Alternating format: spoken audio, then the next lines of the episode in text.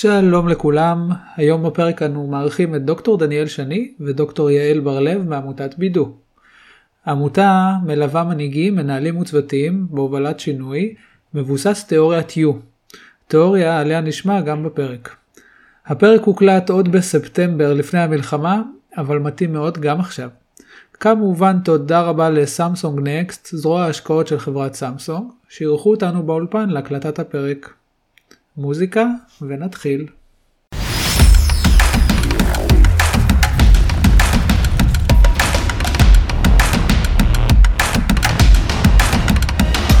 ברוכים הבאים לאבטיח כיס, פודקאסט בנושא ניהול עם נורית בן משה ואלעד יעקב.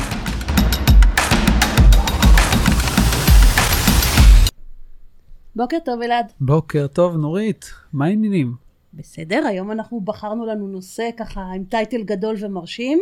תיאוריית U. נכון, ואנחנו לא נעשה את זה לבד, אלא הזמנו לאולפן אה, שתי משתתפות, דניאל שני ויעל בר-לב. אהלן, נעים. מאוד. בוקר היי, טוב. היי. בוקר אור. אז בואו רגע תציגו את עצמכם. אז קודם כל שלום ותודה על ההזמנה אה, להשתתף בתוכנית. אה, אני דניאל, אה, נשואה ליניב, אימא לארבעה ילדים, תאומה, אימא לתאומים. אה, עשיתי כל מיני מעברים בחיים שלי מעולם העיתונות לעולם האקדמי, ומשם לעולם היותר אה, חברתי ועיסוק בהובלת תהליכי שינוי, אה, בכל מיני הקשרים של המציאות של החברה בישראל. וזכיתי להכיר את יעל לפני למעלה כבר מ... לא יודעת, עוד מעט 14 שנה, בקרן מנדל, שם עבדנו ביחד. אה, והיה חיבור אה, מאוד אה, משמעותי, והובלנו שם כל מיני דברים. אה, ולפני שלוש שנים הקמנו ביחד את בידו. אז תכף נדבר על בידו, יעל אולי גם את תציגי את עצמך. כן, אז קודם כל באמת אה, היי ותודה על ההזמנה, כיף להיות פה. אמ, אני אמ, עוסקת כבר המון שנים בליווי של אנשים בתהליכים של התפתחות וצמיחה, התחדשות, התמקצעות, גם אני בעצמי תמיד בתהליכים האלה.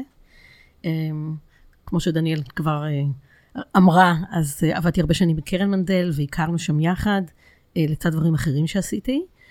בשנים האחרונות, אני ממוקדת במיוחד בגישות שתיאוריית U היא אחת מהן, גישות שמבקשות לממש יותר מהפוטנציאל האנושי אה, שיש בנו לטובת הדברים שאנחנו עושים, אה, לחוד וביחד.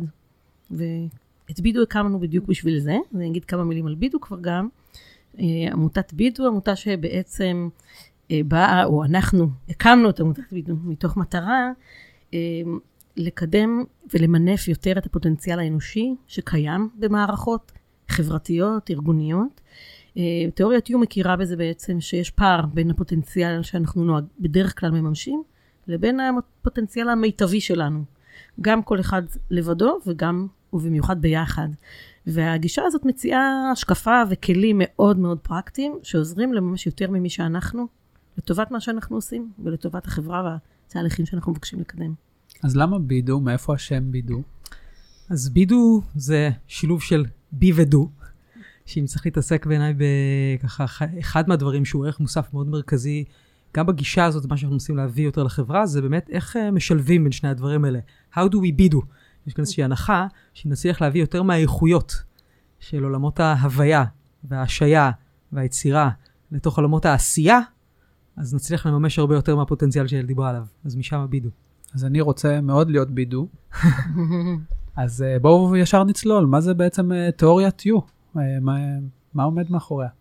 אני יכול, התיאוריית U זו תיאוריה שפיתח אדם שקוראים לו אוטו שרמר, פרופסור אוטו שרמר, מאוניברסיטת MIT בארצות הברית.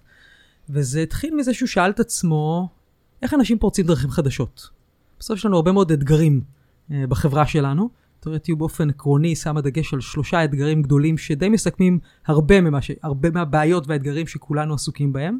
הנתק בין אדם לבין עצמו, בין אנשים לבין אחרים, ובינינו לבין הטבע והסביבה. שאנחנו רואים עכשיו עם כל הסופות וכל מה שקורה אה, באירופה ובמקומות אחרים, עד כמה כמובן האתגר הזה הוא אתגר אדיר. והוא ניסה לשאול מה יאפשר לנו לפרוץ דרכים חדשות באתגרים האלה. ואז הוא יצא וראיין ראיונות עומק עם הרבה מאוד אנשים שהצליחו באמת להזיז את המחט, והוא ניסה להבין מה הם עושים. מה, מה הפרקטיקה שהאנשים האלה נהגו בה, בהם? שהצליחה, בדיוק. מה, מה גרם להם באמת להזיז את המחט. והוא גילה שיש שם מחנה משותף.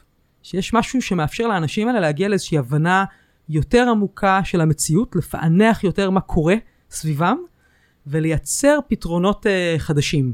והתנועה הזאת, שה- המאפיינים שהוא זיהה אצלם קשורים בדיוק ביכולת הזאת לייצר איזושהי התבוננות רחבה ואחרת ורעננה על המציאות. משם לצאת לאיזושהי התבוננות עמוקה פנימה, ומשם להנביע פתרונות חדשים. בואו נדבר אולי על השלבים של התיאוריה, כי אני יודעת שיש לו משנה מאוד סדורה. זאת אומרת, אה, אה, אוטו שרמר באמת פיתח מתוך הגישה הזאת גם את המבנה התיאורטי וגם כלים שאנחנו בטח נגיע אליהם בהמשך. אז ה-U תיאורי, ככה, זה כבר השם מסקרן. אה, ואני חושבת שהוא בהלימה למה שאת אומרת, דניאל, על החיבור הזה לעצמך. כן, אז דניאל בעצם כבר אה, ככה הזכירה קצת בדברים שלה את התהליך המובנה של היו, וזו הזדמנות טובה להגיד שאחד הדברים שבעיניי מדהימים בגישה הזאת, זה שהיא מאוד מאוד מובנית, היא מציעה תהליך מאוד מובנה, מאוד ברור שאפשר לעקוב אחריו, ויחד עם זאת, ואולי גם בזכות זה, התהליך המובנה שהיא מציעה, פותח פתח ואפילו מזמין המון המון יצירתיות, המון זרימה, המון ספונטניות. כלומר, יש שילוב מאוד מאוד מיוחד, מאוד אפקטיבי בגישה הזאת, בין מובנות לבין ספונטניות ויצירתיות, וזה אחת העוצמות. שלה. בין בי ודו. כן. ובאמת אה, הגישה הזאת, תכף אה, ככה אני טיפה אפרט על זה, כמו שדניאל אמרה, רוצים שיהיה בתהליכי בי, רוצים שיהיה דו, בתהליכי דו רוצים שיהיה בי, אבל גם ההפך. כלומר, ההבנה היא שאין מקום לשקוע רק בהרהורים ובהוויה, ולא להנביע מזה מעשים, ואין טעם לעשות בלי שיש לזה איזושהי תשתית יותר עמוקה. החיבור הזה הוא מה שבאמת משביח את האיכות של הפעולה בעצם שלנו. למצוא את האיזון הזה, זה מה שאתן אומרות? בעצם את האיזון, את בין התמהיל. החשיבה, הרפלקציה העצמית לבין עשייה? כן, והבי זה לא רק רפלקציה עצמית, אני, זה גם שימוש בחושים שלנו. אולי אני אתחבר דרך, לזה דרך השאלה שלך, נורית, מה זה בעצם היו הזה? אז אה, כמו שדניאל אה, תיארה קודם, יש איזה תהליך, בכל דבר שאנחנו רוצים uh, לעסוק בו, יש איזה תהליך שבנוי מכמה שלבים, שאחד מהם הוא היציאה החוצה, בעצם להפנות את החושים שלנו, את הסקרנות שלנו, את הלמידה שלנו, כלפי הסביבה. כי כל דבר שאנחנו עוסקים בו הוא חלק מקונטקסט יותר רחב. אז השלב הראשון הוא להיפתח אל הקונטקסט וללמוד את הדבר הזה שאנחנו עוסקים בו, את האתגר או את הנושא שאנחנו רוצים להתעסק בו, יותר רחב. בדיוק מישהי שאני ככה מלווה ועובדת איתה בדיוק לפני כמה ימים באיזה פגישה ליווי אישי, היא קראה לזה קלט, ונורא אהבתי את זה, כי היא אמרה, אוקיי, אנחנו יוצאים, אנחנו קולטים. ובגישות שאנחנו רובנו יותר רגילים אליהן, מהקלט אנחנו עוברים לפלט. כלומר, אנחנו קולטים, אנחנו לומדים, אנחנו זה, ואז אנחנו מסיקים מסקנות ויוצאים לפעולה. יש כאלה שאפילו לא מחכים לקלט, אפילו באמצע יוצא הפלט. אוקיי. אני חושבת שזו פעם הציפייה, בטח ממנהלים, שהם ישר יגיבו ויעשו דברים. נכון. נכון. ציפייה שלהם מעצמם וציפייה של הסביבה מהם, שהיא מאוד מאוד מאוד תובענית. אז תיאוריית הוא מציעה משהו אחר. כאילו דרך שנראית ארוכה, אבל מהניסיון שלנו, לפעמים היא אפילו קצרה יותר, והיא בטח איכותית יותר, ובעצם תיאוריית יו מציעה לפתוח איזה רווח בין הקלט לפלט. ואחרי שאנחנו יוצאים לסביבה וסופגים ולומדים ומבינים, לפני שאנחנו מסיקים מסקנות ורצים לפעול, אנחנו מתכנסים פנימה. ובעצם שואלים את עצמנו, וההתכנסות הזאת יכולה להיות גם של אדם יחיד וגם של צוות או קבוצה או ארגון. ואנחנו שואלים את השאלה, אוקיי, במציאות הזאת, כמו שעכשיו אנחנו מבינים אותה, מי אנחנו במציאות הזאת? וקודם הזכרתי את זה שזו גישה שעוזרת לממש יותר מהפוטנציאל האנושי, אז בעצם אנחנו נשאל את עצמנו במציאות הזאת, איך נוכל להיות בפוטנציאל המיטבי שלנו? וזה בעצם ההשהיה הזאת שקורית בין הקלט לפלט. ואחרי שיעלו תשובות לדבר הזה, ויש המון המון כלים פרקטיים בגישה הזאת שעוזרים לעשות את זה, מתוכם תנבע הפעולה. וזה גורם לפעולה שהיא הרבה יותר מתאימה למי שאנחנו במציאות, היא מחוברת לפוטנציאל שלנו, ומאפשרת לנו לתרום למציאות הרבה יותר מהפוטנציאל שלנו, להיות במקום שנכון לנו, וזה מייצר פתרונות הרבה יותר איכותיים והרבה יותר ברי קיימא, כי זה לא משהו שמישהו הנחית עלינו מבחוץ, זה משהו שמחובר אלינו, שנבע מתוכנו. זה מחובר למציאות. אני אשמח ככה אם נעבור על המודל עצמו, כלומר, אוקיי, אז בן אדם יש לו איזושהי סוגיה, נגיד מנהל, יש לו איזשהו אתגר ארגוני שהוא צריך להתמודד איתו, אז מה שאתם אומרות, קודם כל בוא תעצור, תתחיל לקלוט. אז האמת ששלב לפני, קודם כן. כל תשת דפוסים אוטומטיים.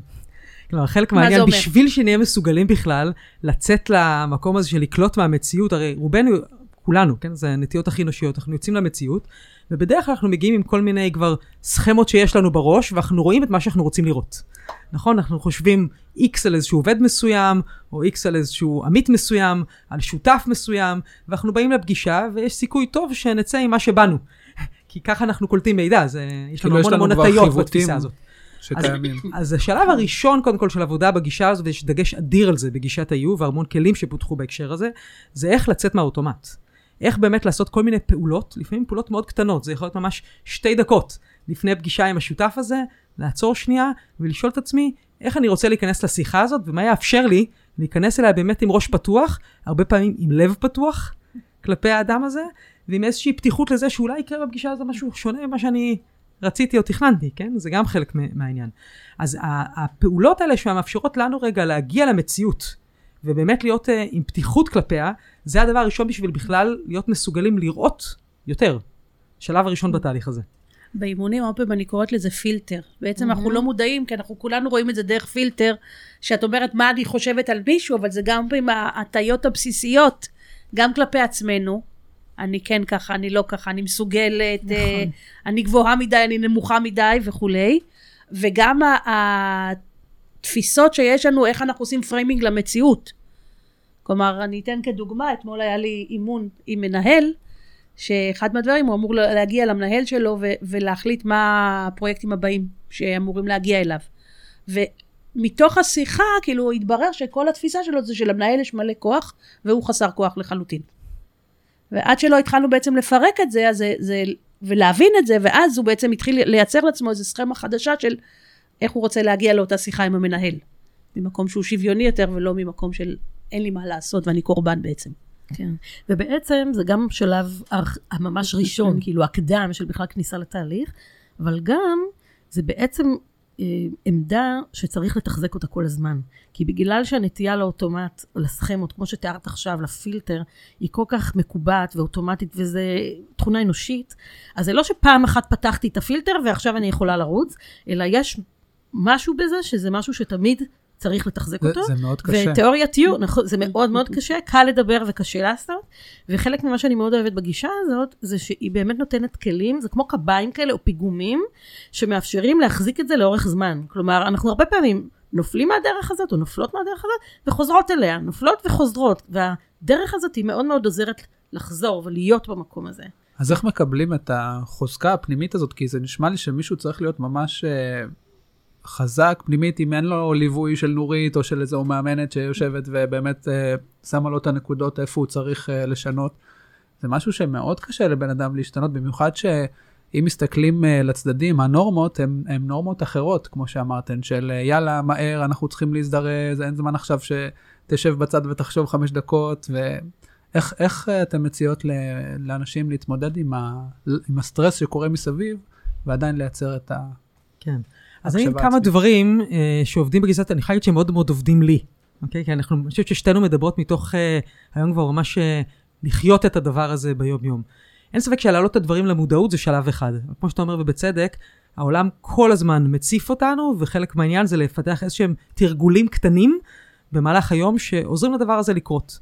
אז זה משאלה של יכולת כוונון כלשהו שאני עושה, עושה בבוקר, כדי באמת לפתוח את היום. המון אנשים, אנחנו פותחים את הטלפון, הדבר ראשון, פותחים את הטלפון, נכנסים לפייסבוק, פעולה ראשונה בבוקר. כן, אותו שם אומר לו, שנייה, בבוקר תמצא לעצמך את העשר דקות, את הרבע שעה רגע, שנייה, לחלקנו זה מדיטציה, לחלקנו זה ללכת בטבע, לחלקנו למצוא את עצמנו לבד כותבים מול כוס קפה, אבל איזשהו זמן שיאפשר לעצמך רגע להיות עם עצמך, ולחזור לסנטר הזה, לחיבור פנימה, לפני שאתה מתחיל את היום. עוד דבר מאוד מאוד מאוד אפקטיבי, זה בדיוק הדבר הזה של לקחת באמת שתי דקות. לפני פגישות חשובות, לפני ישיבות חדשות. לא back to back, 11 נגמר, 11 התחיל, זהו, אלא זה מה שעולה לי בראש. 10:58 הסתיים, ו-11 התחיל, כדי באמת לקחת את השתי דקות ו- ולשאול את עצמך, לפעמים זה, מה חשוב לי בשיחה הזאת? איך אני נכנס לשיחה הזאת? איזה שיחה אני רוצה שתתקיים פה? נכון, אני, אני מוצא את עצמי ימים רבים, כאילו רץ בין ישיבה לישיבה בלי רגע לנשום ובכלל לחשוב מה אני רוצה להגיד בישיבה, זה כל כך נכון. אה, אבל פה גם הקושי. לייצר לי את הזמן הזה ולהגיד לו, לחבר'ה, רגע, אני צריך, כאילו, פה אני מסיים, כי אני צריך זמן להתכונן לישיבה הבאה. אז אחד הדברים בעיניי זה להבין שאפשר להרוויח הרבה מהפסקות נורא קטנות. כן. אפילו מה שאמרת עכשיו, אתה מגיע לישיבה, אתה לא יודע מה אתה רוצה להגיד, הרי מה קורה הרבה פעמים בישיבה? זה שאנחנו עסוקים רוב הזמן במה אנחנו רוצים להגיד, ואנחנו לא מקשיבים למה אחרים אומרים. נכון. הסיפור הזה של להחזיר את עצמנו רגע, להיות באמת בהקשבה, מצריך למשל שיהיו הפסקות קצרות, זה יכול להיות כמה שניות אפילו, שאנשים ידעו שאם יש רגע שקט, ואנשים שנייה חושבים מה הם רוצים להגיד לפני הבא בתור, זה מבורך. לגמרי, גם בואי בואי נהיה אמיתיים, להיות בהקשבה באופן אה, רציף זה גם מעייף, זה מאוד מעייף. אני רוצה. אבל בהקשר לזה לגעת בעוד שתי נקודות. אחת, זה נשמע כאילו זה לוקח זמן, ואז זה מבזבז זמן, ובעצם כולנו חיים בעולם ש... אולי הדבר הכי יקר שיש לנו זה זמן, ואי אפשר לבזבז אותו. אבל מתוך מה שאנחנו לומדות, הרבה פעמים השתי דקות האלה שדניאל אה, אומרת, ב- בסוף כולנו יודעים שכשאנחנו מגיעים לפגישות לא מפוקסים, לא מכוונים, לא... מתבזבז בפגישות כל כך הרבה כן, זמן, בדיוק. ולא של בן אדם אחד. אנחנו רוצים לשבת שם חמישה אנשים. תחשבו כמה הרבה זמן מתבזבז. נכון. בזמן שאם ניקח שלוש דקות לפני פגישה, אנחנו מעלים את היעילות. ב- את האפ- בהמון. אז זה כאילו לכאורה בזבוז זמן, ובפועל מהניסיון שלנו הרבה פעמים, זה גם חוסך זמן וגם מעלה איכות, אז זה אפילו מבצע של שניים באחד. ודבר נוסף שאני רוצה להגיד, זה שאמרת, כן, אבל אני בדיוק חושב על זה, ה-back to back הזה. עכשיו, אנחנו כמובן, אנחנו עשויות מאותם החומרים, כאילו החיים שלנו הם באותו עולם. ואני יכולה להגיד על עצמי, וזה מאוד מאוד מתחבר לעיקרון שיש ב-U, בתיאוריית U, יש עיקרון מאוד מאוד חזק שמדבר על זה שדברים שהתופעות שמבחינתנו הן לא רצויות במציאות, אנחנו חלק מהם. לנו יש השפעה עליהם. זאת אומרת, זה לא איזה תופעות שמישהו יצר וככה זה הטבע וככה זה העולם. זה, זה הכרה שלנו יש השפעה על זה. ואני חושבת שבאמת ביום שאני הכרתי ולקחתי אחריות, שזה עוד מימד מאוד מאוד חשוב בגישה הזו, זה המודעות שדניאל דיברה עליו והאחריות. אז כשהבנתי שה-back to back הזה, זה לא עושה לך טוב. לא עושה לי טוב, וגם, זה לא תופעת טבע כמו שהשמש זורחת בבוקר. במי זה בעצם תלוי? בי, זו אני שקובעת את הפגישות של עצמי. אז למה אי אפשר לעשות שם את ההפסקה הזאת של חמש דקות? עכשיו, אני יודעת למה, כי כולנו רדופים וזה וזה, אבל כשזה היה לי מספיק חשוב, והחלטתי שזו תופעה שהיא לא רצויה לי, והיא פוגעת באפקטיביות שלי, ופוגעת באיכות החיים שלי, החלטתי לעשות את ההפסקות האלה, אז אני לא, אני לא מתייפייפת, זה לא במאה אחוז, לא כל הימים שלי עשויים עם איזה רווחים, אבל ב-90 אחוז יש לי לפחות חמש דקות את ההפסקה הזאת.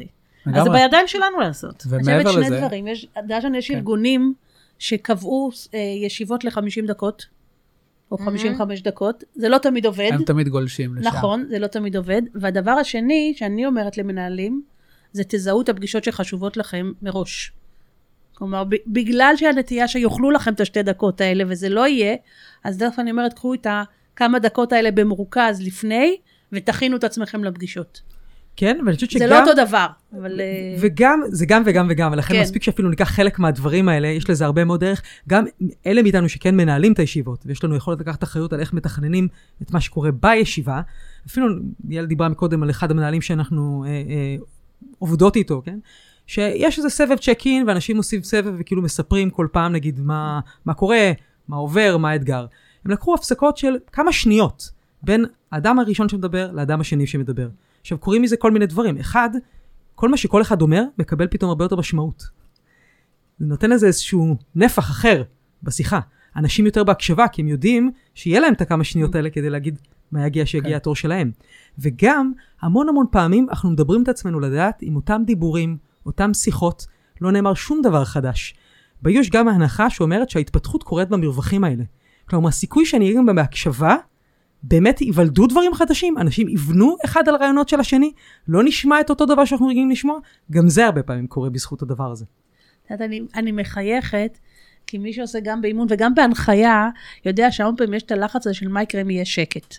נכון? ואז מישהו חייב למלא את החלל, הרבה פעמים המאמן, המנחה וזה.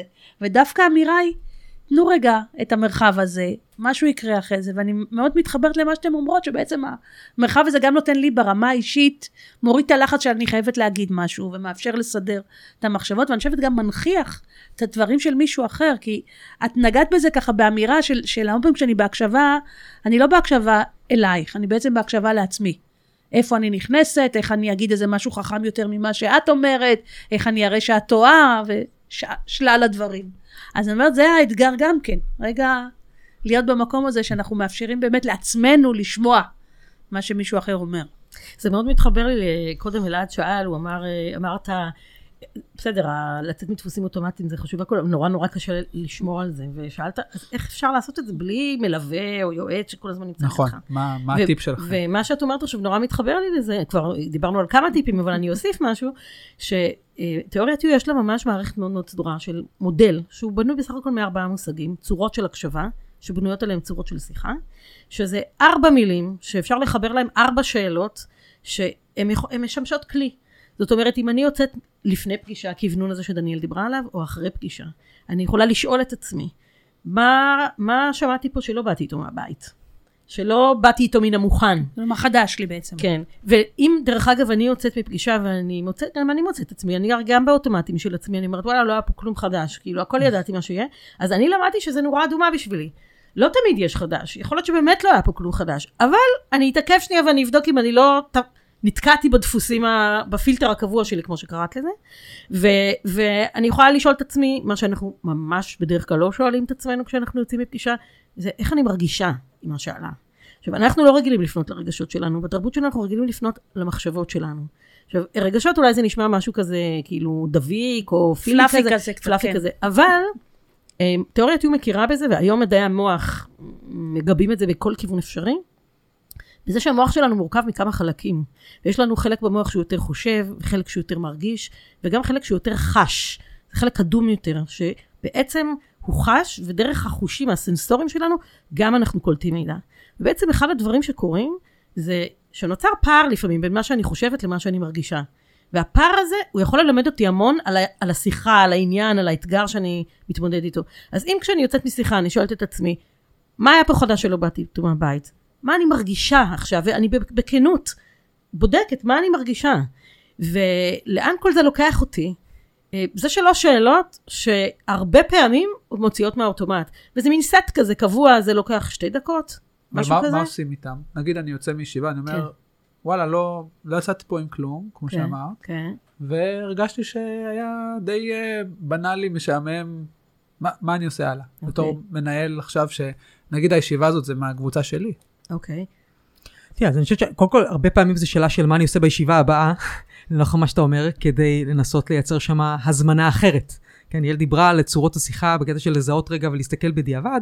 יכול את עצמי, איך אני נכנס לפגישה הבאה ומייצר שיחה שאולי תניב דברים חדשים. ובהקשר הזה, אותו מודל של צורות של שיחה, אנחנו הרבה פעמים משתמשים מטאפורה שנקראת מטאפורת העוגה. Okay? כשאתה מארגן פגישה עם אנשים, כשאתה מזמין לאיזשהו אתגר, למה אתה בעצם מזמין אנשים? Okay? הרבה פעמים היא לא הניבה כלום, כי גם יצרנו setting שלא יכול היה. ההזמנה לא הייתה הרבה. מדויקת בעצם. הזמנה לא הייתה מדויקת, או לא יצרה שם פתח לאיזושהי יצירה חדשה ב- ב- בתוך הדבר הזה, כן? אז הרבה פעמים כמנהלים אנחנו, יש לנו, אני ניהלתי ארגונים, אני יודעת מה אני רוצה שיקרה, ואני פה רק לחלק משימות, וזה בסדר, צריך להניח שלאנשים זה חלק זה יתאים, וחלק זה לא יתאים וכן הלאה. אם אני אייצר הזמנה יותר מדויקת, שלמשל הרבה פעמים תניח שאולי הוא פה, זה לא יהיה לחלוטין בשליטתי מה יהיה הפתרון, נכון? צריך שם איזשהו מרווח לזה שתהיה התפתחות, התפתחות אחרת. אנחנו נאפה איזושהי עוגת שוקולד בפגישה הזאתי, אוקיי? אבל אני לא יודעת, כל אחד יביא, אני אגיד מה חשוב לי בעוגה, ואתה תגיד מה חשוב לך, וניכנס לחדר, ונראה איזה יצירה תהיה כאן. יכול להיות שאני אזמין אנשים בהזמנה חדשה, ובאמת יהיה פתרון אחר. וגם זה, יש לנו דוגמאות מהעבודה עם אנשים, אתגרים שהיו תקועים איתם הרבה מאוד זמן, וכשיצרו הזמנה יותר מדויקת, ויצרו ממש ישיבת צוות שהזמינה אנשים לשיחה אחרת, פתאום הגיעו פתרונות שלא הגיעו להם חודשים. שינו את הסטינג, ממש ככה. שינו... אפילו עשיתם, זה עוד דבר, אני חושבת, אני- לי ממש יש ככה, עולה לי דוגמה מבאמת איזושהי עמותה חברתית שאנחנו עבדנו איתה, והם למדו את המודל הזה של צורות שיחה, ואז אה, במפגש שאחרי זה באה אחת המנהלות וסיפרה ש, שיש להם איזה אתגר שהם תקועים איתו כבר חמש שנים, לא מצליחים לפתור אותו, וכל איזה חצי שנה היא מביאה אותו עוד פעם לשולחן של הצוות, כאילו, לראות אם הוא יצליח להיפטר. וזה לא קורה. והיא באה בפגישה הזאת והיא אמרה, לא תאמינו, בפגישת צוות האחרונה פתרנו את זה.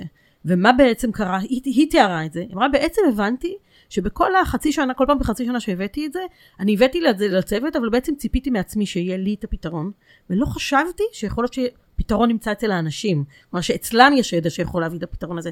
ופעם ראשונה, וזה אפרופו העוגה, פעם ראשונה שהיא באה לשולחן ולא אמרה להם, תקשיבו, הנה, הכנתי? עוגת שוקולד, כן, זה המתכון, או הכנתי עוגת שוקולד, בואו, מחלקת, תאכלו. אלא היא אמרה, תקשיבו, יש לנו פה עוגה לאפות, חמש שנים אנחנו תקועים איתה ולא יודעים איך לאפות אותה. בואו נחשוב על זה, איך אופים את העוגה הזאת? הם יצאו אחרי חמש שנים עם מענה שכולם הרגישו איתו נוח לדבר הזה, היא ממש באה בהתרגשות וסיפרה לה פריצת דרך הזאת. בסוף זה די פשוט, זה לא מסובך. מדהים. זה, זה גם, אני חושבת, קשור, אפרופו מה שאמרנו, ליעל אמרה, בואו נחשוב על זה, אני חושבת שהרבה פעמים זה עובד מזה שלא רק חושבים על זה. כלומר, דיברנו מקודם על המחקר הזה של אוטו שרמר, אחד הממצאים המרכזיים שלו, הרבה פעמים מדברים על ה-U כגישה של מנהיגות מתוך העתיד המתהווה. נשמע מושג מאוד סתום. אבל מה בעצם הוא אומר בלב של הדבר הזה? שהמחקר שלו מראה שהפתרונות שאנשים הרבה פעמים מגיעים אליהם, הדברים שיותר פורצים דרך, אנחנו לא קודם כל חושבים אותם. אנחנו קודם כל מרגישים אותם. יש איזושהי תחושה לאן דברים צריכים ללכת, אחר כך מגיעות ההמשגות. אז היכולת שלנו לייצר הזדמנויות שונות, כדי שאנשים יהיו בקשב החוצה, אבל גם יהיו בקשב פנימה. כדי שאנשים יעבדו גם עם הראש, אבל גם עם הלב וגם עם היד. המון פעמים משחררת ומייצרת המון פתרונות. ביו למשל יש כלי, שנורית, את נחשפת אליו, של מיפוי בתלת מימד. שעובד עם כל מיני חפצים ועובד עם כל דברים. דרך. נכון. הוא כלי שמייצר המון יצירתיות, כי הרבה פעמים מאפשר לנו לראות ולעבוד עם הידיים שיש שם ידיעה. כן, הידיים, הידיים יודעות הרבה פעמים דברים שאנחנו עוד לא יודעים להמשיג אותם לעצמנו. ולכן עבודה גם עם הכלים האלה, גם היא מאפשרת הרבה פעמים לפרוץ דרכים חדשות. במובן הזה החיבור ביו עם עולמות של אומנות ושל יצירה, ויש הרבה עבודה ביו עם עולם של social arts, הוא הרבה פעמים גם מניב בפגישות האלה דברים אחרים. אני מתחברת לשתי נקודות שאמרתם. אני חושבת, הנקודה הראשונה כמנהלים, היכולת לשאול שאלות נכונות, בעצם היא כבר הפריצת דרך לקראת הפתרון, או ההגעה לתוצאות. וכדי שנדע לשאול שאלות נכונות, אני צריך רגע להשתהות ולחשוב על זה ולדייק את עצמי, את מה שאני רוצה שיצא, או את מה, למה אני מזמן את אותה ישיבה, או את האנשים המסוימים כדי לדון במשהו. אני חושבת שהמון פעמים זה לא מספיק מדויק. רק אה, אני חושבת שזה זה מאוד נכון, הרבה פעמים למדו- את המדויק הזה אנחנו מחפשים רק דרך הראש, והרבה פעמים הוא יותר רחב, ונראה לי שהדוגמה של דקאטלון נורא מתאימה. נכון, האמת שזה יכול להיות. חברת דקטלון באמת אה, פיתחה את החזון שלה ל-2030 דרך עבודה אה, עם גישת היו, את האסטרטגיה שלה ל-2030, ויעל צודקת שאחד הסוויץ' המרכזיים שהם היו שהם פשוט שאלו שאלה אחרת. דרך אגב, גם זה כתוצאה מתהליך ב-U, הם הגיעו למסקנה מה השאלות שאיתן הם צריכים לצאת לתהליך של הפיתוח של האסטרטגיה ל-2030. אם בעבר הם היו שואלים, איך צריכה להיראות החנות, החנות שלנו עוד עשר שנים? בסדר? זו הייתה השאלה שהובילה את התהליך הזה. הם שאלו בתהליך החדש הרבה מאוד אנשים, כולל בבתי אבות, וכולל בבתי ספר יסודיים, וכולל לקוחות וספקים ועובדים, וכל מיני אנשים שהם ברשת uh, הקשרים שלהם. איזה עולם הם היו רוצים לחיות בו עוד עשר שנים, ומה יכול להיות התפקיד שלהם בעולם הזה? המסע וואו, הזה, זה כאילו שאלות לא קשורות בכלל, זאת אומרת, זו. חברה למוצרי ספורט וקמפינג וזה, איך והם העולם יצאו שיראה. למסע מדהים, ששיתף למעלה מ-70 אלף איש בעולם. באמת, שוב, לא רק הלקוחות והספקים, אלא הם באמת יצאו לדבר עם מבוגרים, ולדבר עם ילדים, ולדבר עם... ולשאול באיזה עולם אנשים האלה רוצים לחיות. ואיזה תפקיד יכול להיות להם בתוך העולם הזה. ומזה הם הביעו את החזון ואת האסטרטגיה החדשה. מדהים. ואני חושבת שזה נורא קשור, את אמרת, כאילו לא קשור. וזה גם עיקרון נורא חזק ביו. הכאילו לא קשור, ההכרה הזאת, שלא רק מה שבאוטומט ובפילטרים הרגילים שלנו אנחנו חושבים שהוא קשור, אלא יש המון דברים שקשורים, שאנחנו רגילים להתייחס אליהם כלא קשורים. גם האנשים שאנחנו רגילים להתייעץ איתם, דניאל נתנה דוגמה כאן, היא אמרה, הם שאלו ספקים, הם שאלו גן- ילדים, הם שאלו מבוגרים. בדרך כלל חברה עסקית לא הולכת לשאול ילדים וזקנים וספקים מה הם חושבים. אז יש איזו הכרה ביום שאומרת, אתה רוצה באמת להבין את הקונטקסט שאתה פועל בו? בוא ולך תשמע לא רק את מי שאתה תמיד מקשיב לו, תנסה לחשוב מי נמצא כאילו בשוליים של המערכת שלך, שאתה בדרך כלל לא מקשיב לו, שהוא נראה לא קשור, כי גם לו יש נקודת מבט שהיא זאת שיכולה לפתוח לך פתחים חדשים להבנה. אני חושבת שמנהלים מצויים פה באיזה מין קונפליקט כזה. בין אה, אני רוצה להגיע מהר לתוצאות, לבין אני רוצה חדשנות ויצירתיות וחשיבה אחרת. עכשיו, יש פה איזה מין מאבק בין אני אביא את האנשים שהכי נוח לי, להיות איתם, ושהם ב...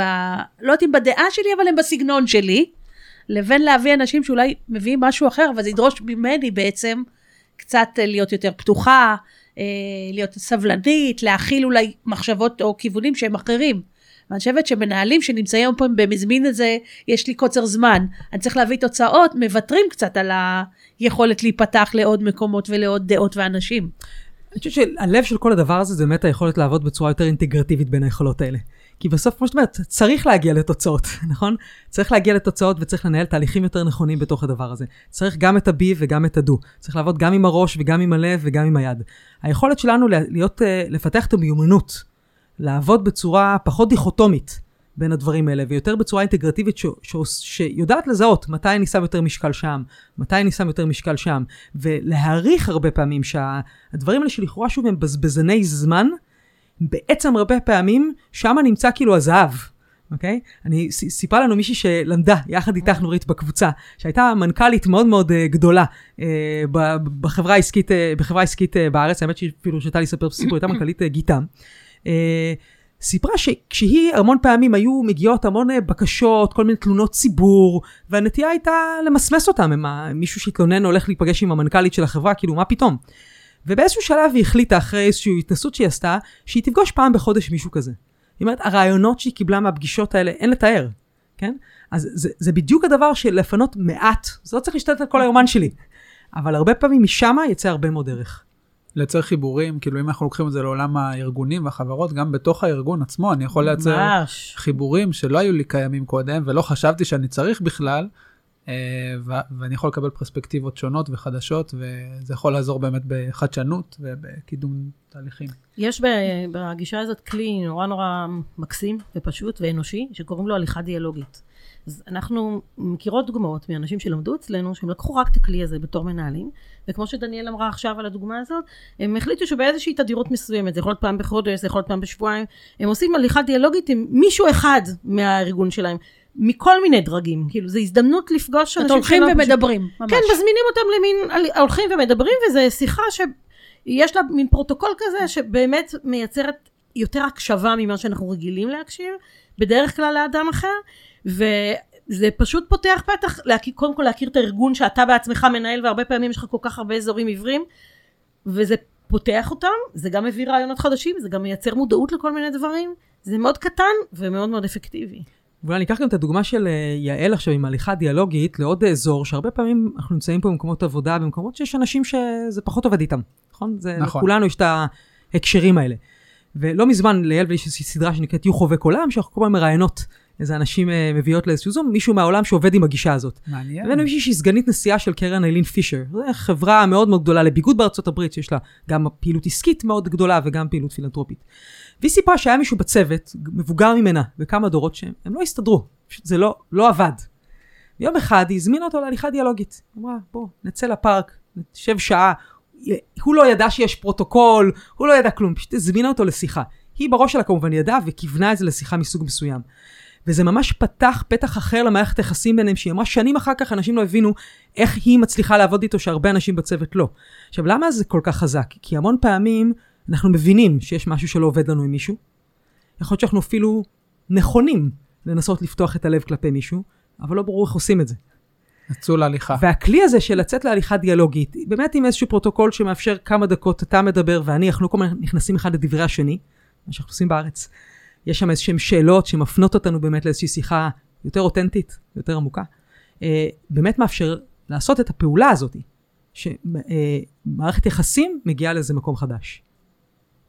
ובהזדמנות הזאת אני גם אגיד שהסדרה הזאת של יוחוב כעולם, שככה אתה אמרת מעניין, היא סדרה חינמית והיא קורית בזום, אז אפשר למצוא על זה פרטים באתר שלנו, וכל מי שמאזין לפודקאסט הזה מוזמן להצטרף. נחמד. וגם אתם כמובן. ואתם רואים שוני, דרך אגב, כאילו, אם, אם כבר פתחנו את זה, mm-hmm. גלובלית, שאתם מסתכלים בין איך cultures, uh, אולי תרבויות אחרות, מעכלות את תורת ה-U בצורה קצת אחרת, או... לגמרי. קודם כל, נעשית עם זה עבודה אדירה בעולם. בהמון המון מקומות, בהמון מדינות ובהרבה מאוד שדות. כלומר, עובדים עם זה בבנקים, עובדים עם זה בחינוך, ממשלות עובדות עם זה באינדונזיה, זה הכשרת חובה לנבחרי ציבור, ממשלת סקוטלנד עושה עם זה שיתוף ציבור, יש עבודה, כאילו יש באמת עבודה מאוד מאוד נרחבת, ואני חושבת שהיישומים הם מאוד שונים. למשל, באפריקה יש כמעט בכל מקום, יצרו קודם כל אדפטציות, גם ברמת אפילו השפה, של איך אה, מדברים את זה, שהן מתאימות uh, למקום. שהן רלוונטיות, וגם השאלה של איך עובדים, איזה כלים יותר תופסים אנשים, שינויים, אנחנו עושות המון עבודה של לפתח.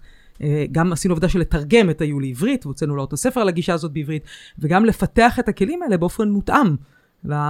לתרבות פה ול... כן, למשל, לגמרי. למשל, יעל הזכירה מקודם את צורות שיחה. במודל האמריקאי, הצורה הראשונה זה שיחה מנומסת, polite, כן? כשאנחנו התחלנו לעבוד על זה בארץ, אין פה הרבה שיחות מאוד זה לא בדיוק הדרך הנכונה להגדיר את השיחה אתה רוצה בהקשר הישראלי. אז יש דברים שבאמת יש מקום לעשות להם את האדפטציות להקשר המקומי.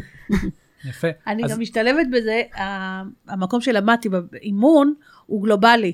הייתה לי פעם שיחה עם אחד המנחים, והיה לנו מנחים שהגיעו גם מהעולם, ושאלתי אותו מה ההבדל כשהוא מנחה חדר פה וחדר שם. אז הוא אמר למשל שבמיומנויות בישראל, אחד מהדברים זה לעבוד על ניהול עצמי. לא להתפרץ, להקשיב, להירגע. אצל האמריקאים למשל, זה, וגם חלק מהאירופאים, זה למשל, זה האומץ. זה לשאול כן את השאלות האמיצות, לא להיות common polite ופוליטיקלי קורקט, וזה בדיוק... אני אתן- לך עוד דוגמה, זה פריוויו לחובקי עולם שיהיה בדצמבר. בדצמבר אנחנו ראינו את מישהו מהודו. הופה. שאני עשיתי איתו שיחת הכנה ממש לפני שבועיים. הוא הכי נחמד ולא- לקראת הרעיון הזה. זה מדהים לראות איך המון פעמים במערב, בסדר, אני אני אעשה רגע כן. חלוקה קצת דיכוטומית, אנחנו הרבה יותר זהירים בלבוא עם הכלים שדיברנו עליהם, שיש בהם יותר עבודה עם רגש, וביוש גם עבודה עם אומנות ועם תנועה, ואנשים רוצים את הקונספציות, את המושגים, אנחנו נורא נורא עובדים תכלס, מהראש. מאוד תכלס. תכלס ו- וראש. מהראש, ראש, כן? כן. אני הרבה פעמים את ה-U אומר, זה MIT פוגש בודהיזם, זה כאילו שילוב כזה. הוא סיפר שבהודו זה בדיוק הפוך. אנשים עזבו אותנו מהסכמות, לא מאמינים לכל התיאוריות האלה, הם מאוד מאוד בקלות נכנסים לעבודה שהיא עבודה עם תנועה ועבודה עם הגוף וכלים אחרים לגמרי ביו, ודווקא את ההמשגות הם ממש לא מביאים, כן? אז הנה למשל הבדל באיך ניגשים לזה במקומות... אה, וגם אה, תחשבו, זה לא רק מערב ומזרח, אני חושבת שהדוגמה הספציפית הזאת היא נורא ממחישה. אנחנו כאן, החברה היהודית הישראלית, ברקע שלנו, יש לנו תרבות למדנית. זו תרבות שלומדת... של חקר של ושאלות. חקר ושאלות, למדני, יותר מהראש, יותר מושגי. הודו, יש שם תרבות של 5,000 שנה של יוגה ומדיטציה, מאוד מאוד עסוקה. זאת אומרת, יש לדברים האלה שורשים מאוד מאוד עמוקים בהבדלים האלה. חייבים שאנחנו לפעמים לא. מודעים אליהם חייבים בכלל. להתייחס אליהם, כן. אני, אני רגע רוצה לחזור, כי אני פתאום אומרת לעצמי, רגע, התחלנו לדבר על מה זה ה-U הזה, ואיפשהו ברחנו הצידה, אז בואו שנייה נחזור על מה, איך בעצם המודל עובד. מישהו שבא ואומר, אני רוצה אה, ליישם או לפעול לפי תיאוריית U, מה זה אומר? אז אחד אני רוצה להגיד בואו לא נתיימר שאנחנו בשלוש דקות יכולות אה, לא לגמרי. להסביר את זה כי זה באמת מודל מאוד מאוד רחב מאוד עשיר וגם אפשר להשתמש בו מעבודה אישית וארגונית ומערכתית מאיך את עכשיו עושה שיחת ייעוץ של שעה ואיך נכנסים לתהליך אסטרטגי של שנה אוקיי אז באמת יש פה אפליקציות מאוד מאוד רחבות אבל בגדול זה מסע שאפשר לראות אותו כמסע קצת למעמקי הקרחון ולעלות חזרה ממנו. כלומר זה באמת מסע שבו יש שלב של לצאת מדפוסים אוטומטיים שלב שני של לצאת לאיזושהי למידה עשירה ורחבה של המציאות, עם הרבה מהעקרונות שדיברנו עליהם, קצות המערכת, הפעלה של כל מיני כלים מסוגים שונים באיך לומדים את המציאות, איך מפיקים משמעות ממה שלמדנו, לכל אחד מהדברים האלה מעוגן בכלים קונקרטיים. ואז באמת, אחרי שעשינו את הלמידה הזאת, לא יוצאים לפעולה, אלא עושים איזשהו רגע שבו קוראים לו to retreat and reflect, כן, איזושהי התכנסות לידיעה פנימית. להבין אם זאת תמונת המציאות, מי אנחנו ומה תפקידנו, שוב יש כלים שלכל אחד מהשלבים האלה, בשלב הזה בדרך כלל אנחנו קצת משתחררים מאיזשהם הבנות מסוימות, ויש פתח לאיזשהם הבנות חדשות, אוקיי? ומשם בגישת ה-U אנחנו מהר מאוד יוצאים לאיזושהי פעולה התנסותית, prototyping, כדי ללמוד עם הרעיונות הניצנים הראשונים האלה, שנבעו מה, מהתחתית הזאת, מהחיבור הזה למקור, של העבודה הזאת שקראנו לה בתחתית של הקרחון, מנביע איזשהם רעיונות שאנחנו שוב יוצאים לפגוש מציאות. ולהבין, זה עובד, זה לא עובד, מה פה עובד, אוקיי? ומזה לומדים עד שאפשר באמת להגיד שהגענו לאיזשהו מוצר, או הגענו לאיזשהו אה, מסמך, לאיזושהי אסטרטגיה, לאיזושהי פעולה שהיא מתגבשת. זה בגדול. ואפשר לראות, אני חושבת, במה שתיארתי במודל פה, שכל הזמן יש פה את התנועה החוצה ופנימה. פוגשים מציאות, לא שואלים ביו מה, מי אני ומה אני רוצה באיזשהו מקום מנותק מהמציאות. אנחנו כל הזמן במפגש עם המציאות. פוגשים מציאות, ואז חוזרים לשאול את עצמנו מי אני ומה תפקידי, יוצאים עם איזשהי רעיון לפעולה, ושוב פעם מקבלים משוב מהסביבה. מקווה שזה עוזר קצת להבין. אוקיי, ואחרי זה אז מה קורה? מה השלב הבא? אני רק שנייה לפני השלב הבא רוצה להגיד, כי פשוט ככה הקשבתי לדניאל וחשבתי כמה כמנהלים, אמ, מנהלים נדרשים, יש כל כך הרבה כוחות שמפזרים אותנו מעצמנו. הציפיות של הסביבה, הצורך במענים, הצורך ביצירת פתרונות, הבלת"מים שכל הזמן קורים, כל הדבר הזה. כשדניאל אמרה, יש תנועה מתמדת בין החוצה ופנימה, כל הזמן, יש הכרה נורא נורא חזקה ביו, שהחוצה זה מאוד מאוד חשוב, יוצאים החוצה ללמוד את הסביבה, להקשיב לאנשים והכל, אבל לא נותנים לבלון להינתק מהמרכז שלו. והתנועה הזאת פנימה היא נורא חשובה, כי יש, ב, בתחומים שונים לאנשים שונים יש צורך אחר, כמו שאת תיארת, שבמערב יש צורך כזה, וכאילו אצל אמריקאים, אז מנהלים הרבה פעמים, הצורך שלהם הם כל כך רגילים לפנות החוצה, זה כוחות כל כך חזקים, שהמון פעמים מנתקים אותם מהסנטר שלהם, מהמרכז שלהם. והלפני האחרה, אחר כך, זה המקום הזה של כל הזמן להיות מחובר החוצה ולהיות מחובר פנימה, להיות מחובר החוצה ולהיות מחובר פנימה, ומזה לפעול. ועכשיו ואחר כך. רציתי להגיד משהו? כן, כי אני מאוד מזדהה עם מה שאת אומרת. על ה... אני חושבת שהיום אחד מהקשיים של מנהלים זה כמות הרעש. שיש מסביב היא עצומה. ואז אין לך אפילו את הזמן לא רגע לחשוב על הדברים, ולא לבדוק את עצמך, אתה כל הזמן במוד הזה של הדו דו דו ולרוץ קדימה. ודווקא המקום הזה שתמיד גם לבדוק את הדברים מול עצמי, וגם אני נורא מתעסקת בנושא של ה-executive presence, של הנוכחות הניהולית, וככה זה פתאום נורא הדהד לי מה שאתן אומרות, כי אני חייבת לדעת מי אני.